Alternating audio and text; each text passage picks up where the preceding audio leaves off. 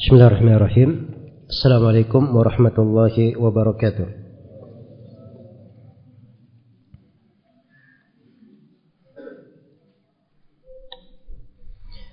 الحمد لله حمدا يليق بجلاله وعظمته وأشهد أن لا إله إلا الله وحده لا شريك له لا شريك له في أسمائه وألوهيته وربوبيته وأشهد أن محمدا عبده ورسوله خير بريته صلى الله عليه وعلى آله وصحابته أما بعد Baik ini sesi sesi yang ketiga dari kajian kita tafsir Kisar Al-Mufassal. Telah kita jelaskan dari asbabun nuzul sebab turunnya ayat yang pertama hingga ayat yang kelima dari surah Al-Alaq. Kadang disebut juga dengan surah Iqra. Iya.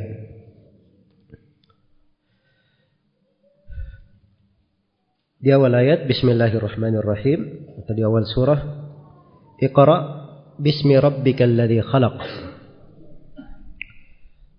Bacalah wahai Nabi Muhammad dengan menyebut nama Rabbmu yang mencipta.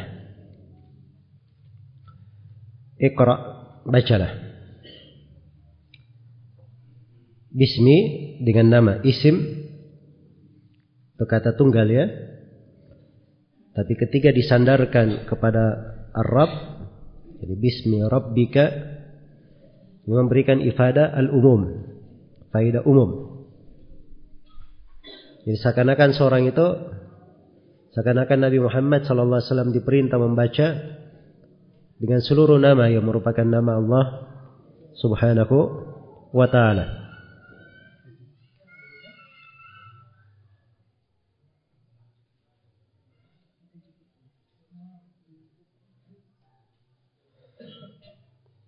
Baik. Iqra bismi rabbika bacalah dengan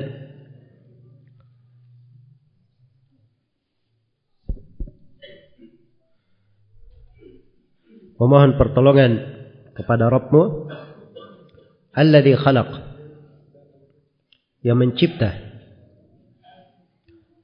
di ayat yang pertama disebutkan Allah Subhanahu wa taala yang Maha mencipta, yang menciptakan. Dan ini umumul khalq. Dia mencipta seluruh dari makhluk. Setelah itu dikhususkan penyebutan penciptaan manusia pada ayat yang kedua. Khalaqal insana min alaq. Iya. Allah menciptakan manusia Al-insan di sini pakai alif lam lil istighraq al-jinsi. Maksudnya seluruh manusia, anak Adam diciptakan min alaq. Alaq jama dari alaqah. Iya. Jama dari alaqah. Artinya segumpal darah. Dicipta dari segumpal darah. Yang pertama Katakan baca dengan nama Rabbmu yang mencipta umum, cipta seluruh makhluk.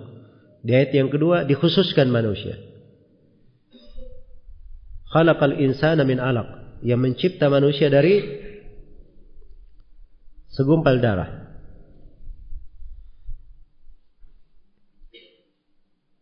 Perintah membaca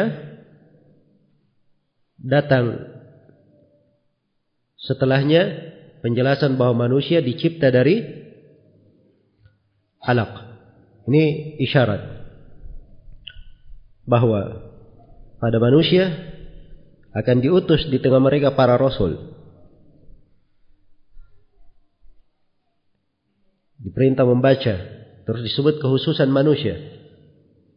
Maka pembacaan ini pengajaran nanti terkait dengan manusia itu diutus kepada manusia.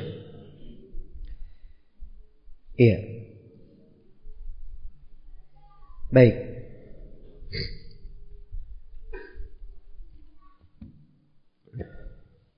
Sebagaimana Allah Subhanahu wa taala yang mencipta manusia, mengadakannya, mengatur urusannya.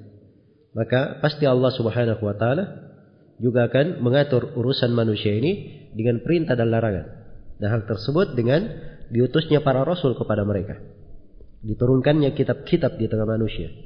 Karena itu setelah perintah membaca disebutkan bahwa Allah mencipta manusia.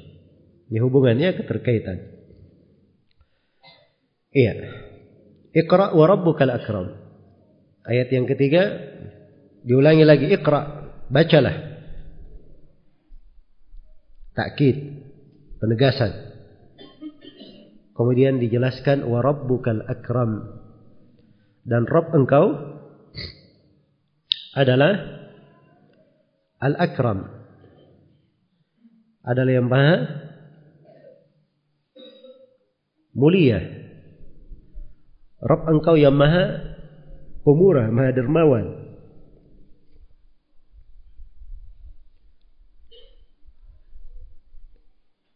Yang kalau dikatakan Al-Akram. Iya. Ini kata Syekh Abdurrahman bin Nasir As-Sidi Rahimahullahu ta'ala. Al-Akram Itu yang banyak sifat-sifatnya Yang luas. Kedermawanan Kebaikan Dan kemurahannya. Iya Kalau Al-Kalbi mengatakan Al-Akram artinya yang halim terhadap kejahilan hamba-hamba, tidak segera disiksa mereka. Tapi diajari, diberikan kesempatan, diutus kepada mereka para nabi dan para rasul. Iqra wa rabbukal akram. Ingat ya ini di konteks wahyu yang pertama turun kepada Nabi Muhammad sallallahu alaihi wasallam. Alladhi ayat berikutnya alladhi allama bil qalam yang mengajarkan dengan pena. Kata Al-Baghawi rahimahullah artinya yakni al-khat wal kitabah. Dia mengajar dengan khat dan tulisan. Ya, dengan goresan dan tulisan. Iya. Bil qalam. Dan kita akan sebutkan nanti ya bahwa namanya penulisan kalau ditulis dengan pena itu pasti tercakup di dalamnya ada sesuatu yang terpikir, terhafal, ada sesuatu yang terucap dan tertulis nanti. Pasti lewat tiga tahapan. Ini keistimewaan Al-Quran ya, diberi satu kata mengandung banyak hal. Iya. Alladhi allama bil qalam allama al-insana ma lam ya'lam yang mengajarkan kepada manusia apa yang dia tidak ketahui. Jadi dari kemurahan Allah, wa rabbukal akram dari kemurahan Allah, Allah mengajarkan bil qalam. Iya. Allamal insana ma lam ya'lam, mengajarkan kepada manusia apa yang dia tidak ketahui. Manusia dikeluarkan dari perutnya dari perut ibunya kemudian mereka diajari. Iya dikeluarkan dari perut ibunya. Tidak mengetahui suatu suatu apa pun. La ya'lamu syai'an. Kemudian diberikan kepada mereka pendengaran penglihatan dan hati. Ya dimudahkan oleh Allah untuk manusia ini sebab-sebab dia bisa belajar sebab-sebab dia bisa menuntut ilmu. Maka diajarkan kepadanya Al-Quran. Diajarkan kepadanya hikmah. Diajarkan kepadanya Al-Qalam. Dan dengan pena ini, ilmu-ilmu bisa tersimpan. Tercatat. Hak bisa dirinci. Iya. Dia bisa menjadi wakil. Jadi dengan pena apa yang tertulis seakan-akan dia mengirim utusan. Ini nikmat dan anugerah dari Allah Subhanahu wa taala.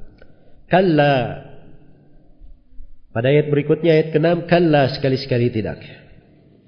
Iya, subhanallah. Walaupun beda ya turunnya ayat ini, tapi dia punya keterkaitan dengan lima ayat sebelumnya. Manusia ini sudah diberi kesempatan berbagai nikmat, tapi subhanallah kalla innal insana la yatagha. Benar-benar sungguh manusia ini la yatagha melampaui batas. Iya. Ya taga, dia melewati batasannya dan bersombong terhadap Robnya. Karena kejahilan manusia ini, dia melampaui batas. Melampaui batas dan bersombong terhadap Robnya. Kalla di situ, itu huruf bisa diartikan benar-benar. Bermana hakkan. Dan dia bisa bermana hardikan. Dirada' wa zajar.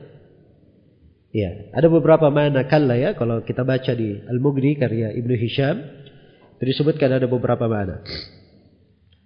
Iya, dan seorang ketika menafsirkan kalimat itu dilihat sebelumnya dan setelahnya apa yang mencocoki.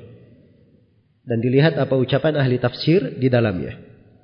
Di sini Al-Baghawi berkata kalla itu artinya haqqan. Iya haqqan. Sungguh hal yang benar bahwa manusia itu layatagha selalu melampaui batas. Subhanallah. Di sini datang dalam bentuk apa namanya? Uh, fi'il mudhari. Bahwa itu banyak terjadi pada mereka. Bagaimana bentuk melampaui batasnya? Ar-ra'ahu stagna. Iya. Dia melampaui batas. Dia melihat dirinya telah serba cukup. Dirinya sudah serba cukup. Tidak perlu lagi kepada apa pun. Iya. Jadi dia merasa tinggi di segala hal.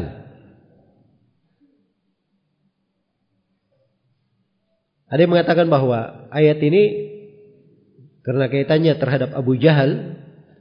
Abu Jahal itu kalau dia dapat harta, maka dia semakin menambah kemegahannya pada pakaiannya, pada kendaraannya, pada makanannya. Tapi hakikatnya kata ini lebih luas daripada itu. Manusia ya tahu dari kata tugian melampaui batas. Iya. Seperti di ayat inna lamma tagal ma'u hamalnakum fil jariyah. Begitu. Airnya taga maksudnya sudah melampaui batas. Nah, ini kata penggunaan katanya dalam Al-Quran secara bahasa. Baik.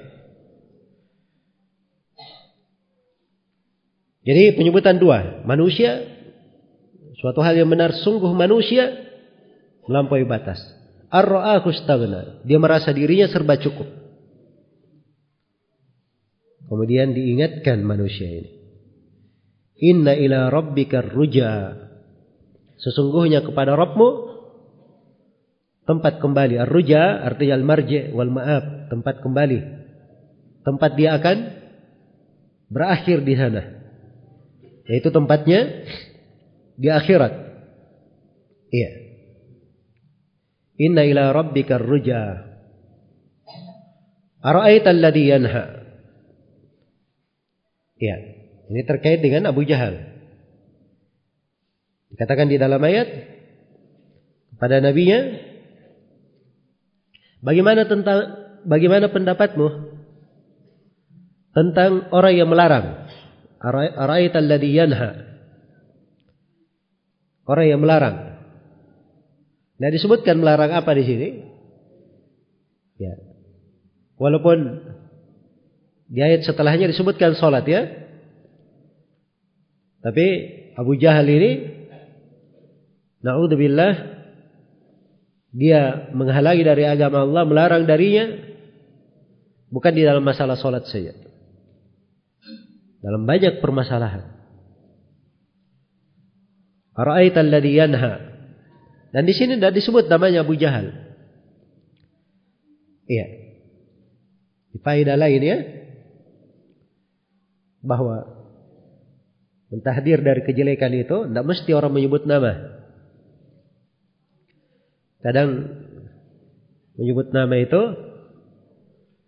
kalau di konteks yang tidak diperlukan maka tidak disebut juga tidak ada masalah.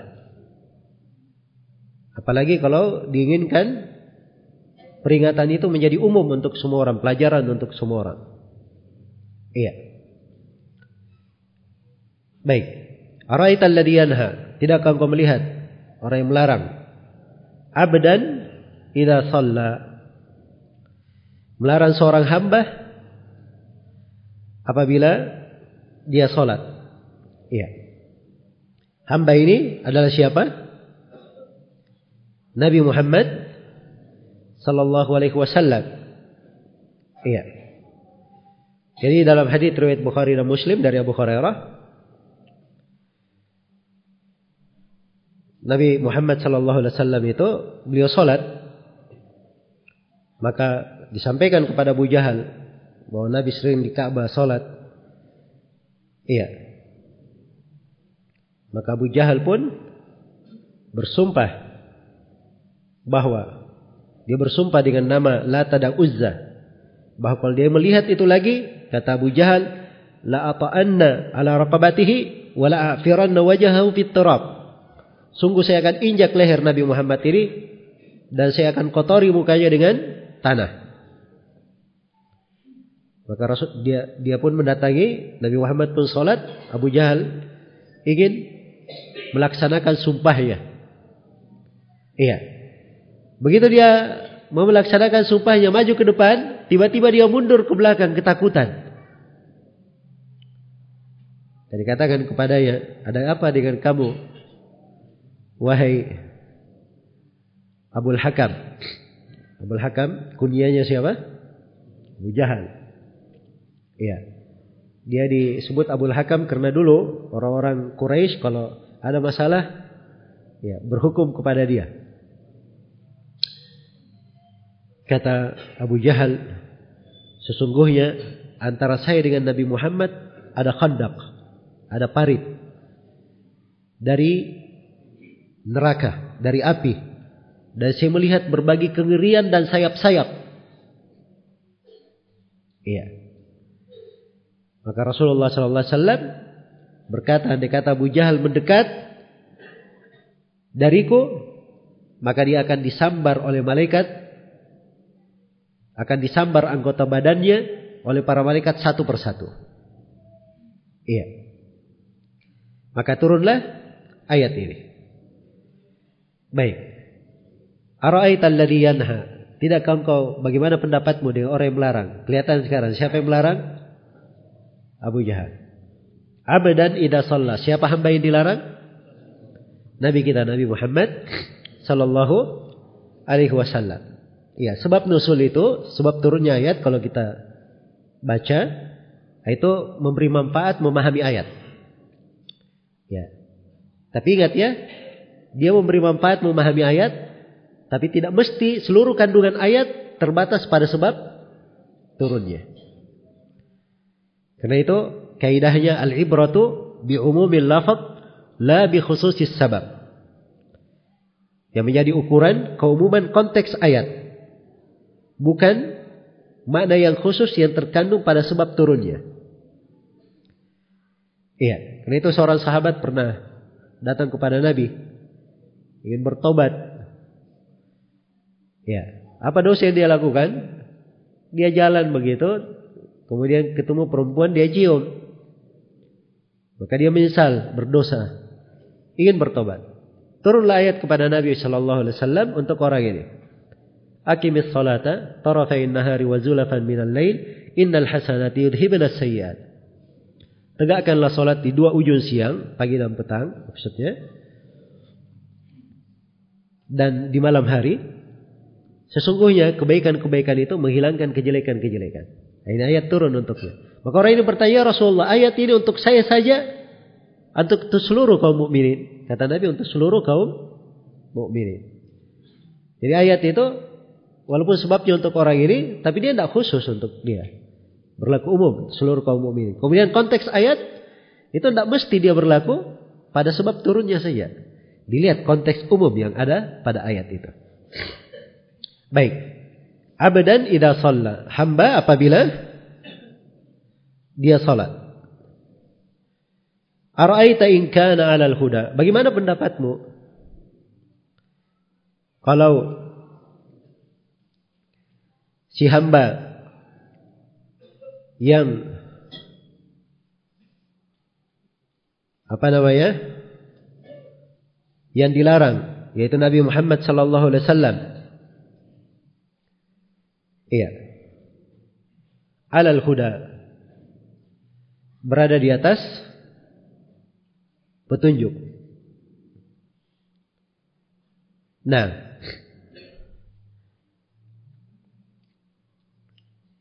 Au amara bit taqwa. Al-huda, apa artinya al-huda? Hah? Al-ilm bil haq wal amali bihi. Ya ilmu tentang kebenaran dan beramal dengannya.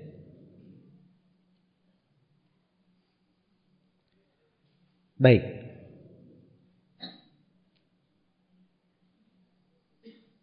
Itu di terjemahan kadang ada yang keliru ya. Di situ apa? Ada yang buat terjemahan. Araita in kana alal huda apa diterjemahkan di situ? Coba dibaca keras. Hah?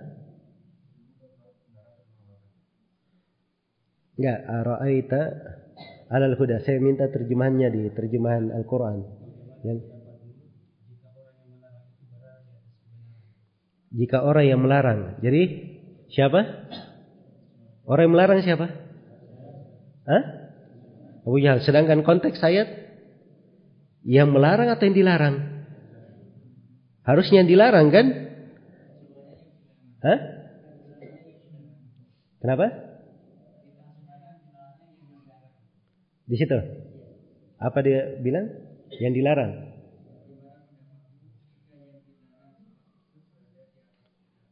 Oh ya, kalau itu benar ya.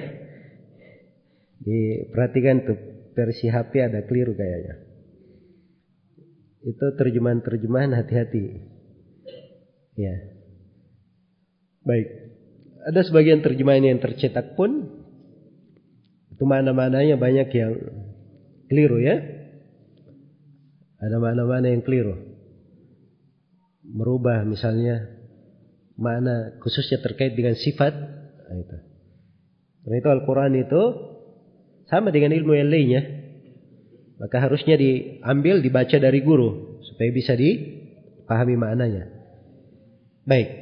Abadan idza shalla ra'aita in kana al huda. Bagaimana pendapatmu kalau hamba yang dilarang ini, hamba yang salat tadi yaitu Nabi Muhammad alal huda, di atas ilmu tentang kebenaran dan beramal dengannya. Au amara bit taqwa atau dia memerintah iya kepada ketakwaan. Dia memerintah dengan ketakwaan. Maksudnya memerintah orang lain dengan ketakwaan. Sini ada tafsir Al-Baghawi menarik. Insyaallah saya poinkan nanti di pembahasan yang akan datang. Di inti pembahasan yang kita akan kaji dari surah ini. Karena Al-Baghawi di sini menafsirkan takwa itu artinya dia memerintah dengan ikhlas dan tauhid. Iya. Kemudian dikatakan ara'aita in kadzdzaba wa tawalla.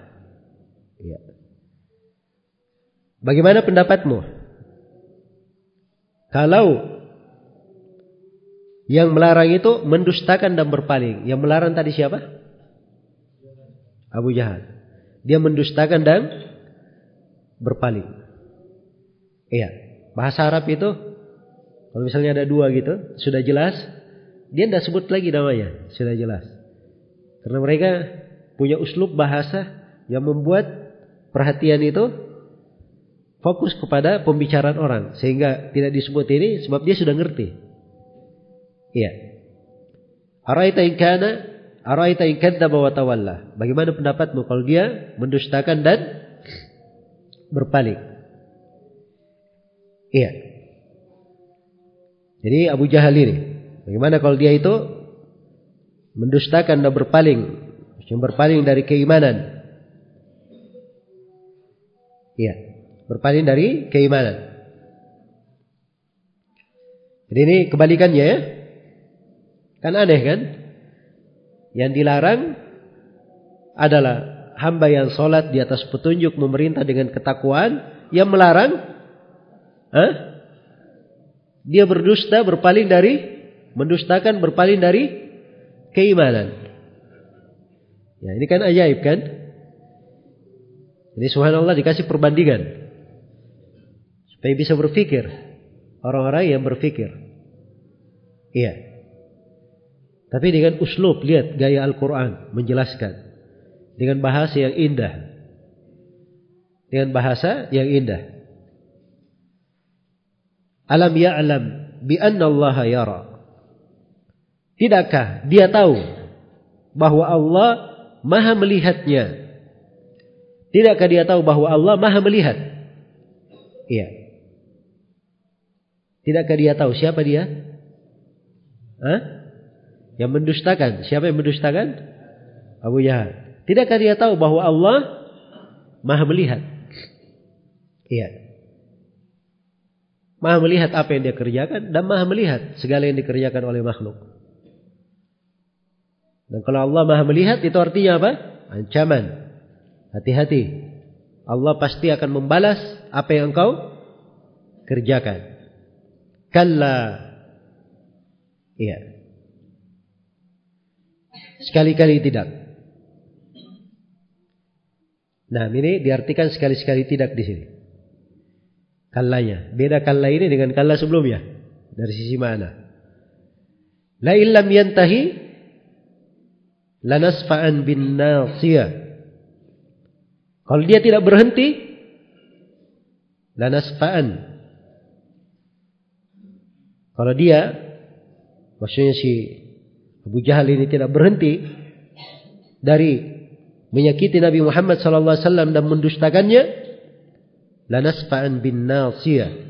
Sungguh kami akan mengambilnya. Ya. Nasfa'an dari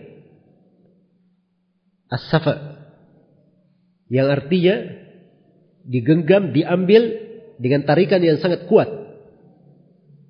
Ya. Dan asfa'an bin nasir. Kami akan menariknya dengan sangat kuat dari ubun-ubunnya. Bin nasiyah. Nasiyah artinya apa? Hmm? Ubun-ubunnya.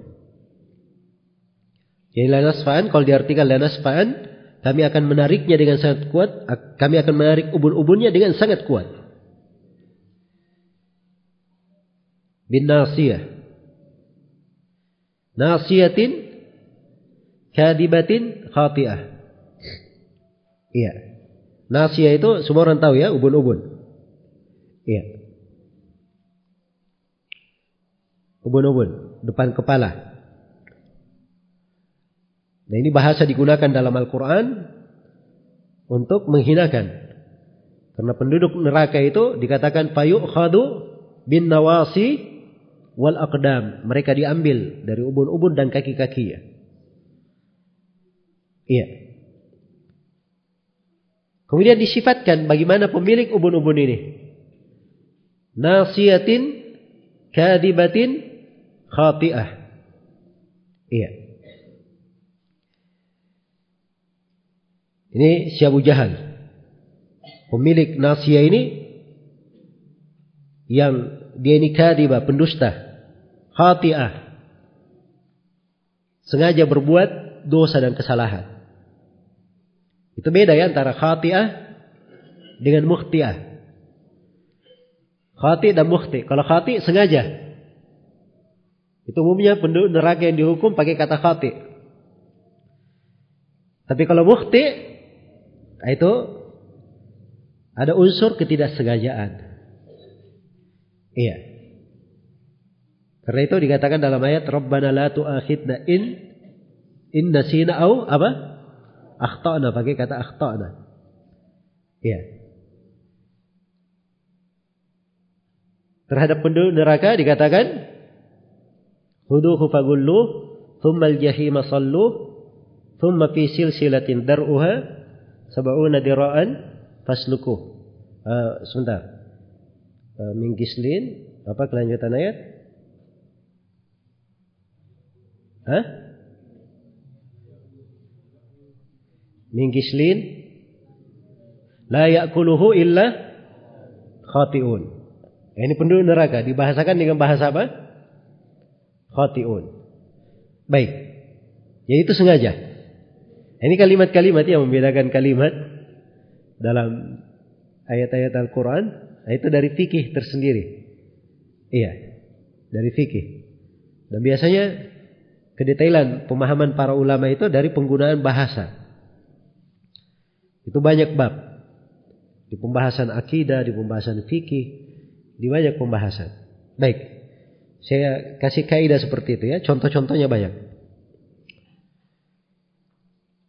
Kemudian dikatakan faliyad'u nadiyah. Faliyad'u hendaknya si Abu Jahal ini dia memanggil nadiyah. Nadiyahu artinya ahlu majlisihi wa ansarihi min ashiratihi wa qaumihi. Hendaknya dia panggil kawan-kawan duduknya, penolong-penolongnya, dari keluarganya dan kaumnya. Dia panggil semuanya. Nadia. Iya. Sanad'u zabariyah. Kami akan memanggil az-zabariyah. Jama dari zabna, dari az-zabn. Az-zabn itu arti bahasanya yang mendorong, mendorong, menolak. Iya. Dikatakan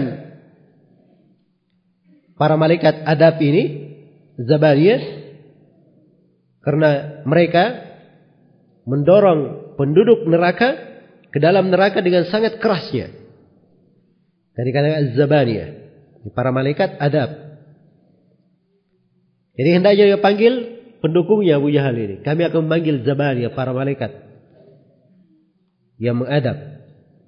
Kalla la tuti'hu wasjud wa qatarib. Kalla sekali-sekali tidak. Jangan engkau taat kepadanya wahai Nabi Muhammad. Iya.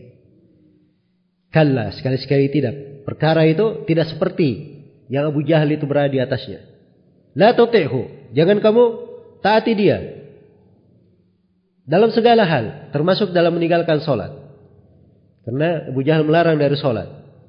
Wasjud. Dan selalulah engkau sujud kepada Allah. Wa qatarib. Dan mendekatlah kepada Allah Subhanahu wa taala. Baik, selesai dari kandungan surah ini. Di dalam surah ini saya poinkan di sini ada 21 pembahasan.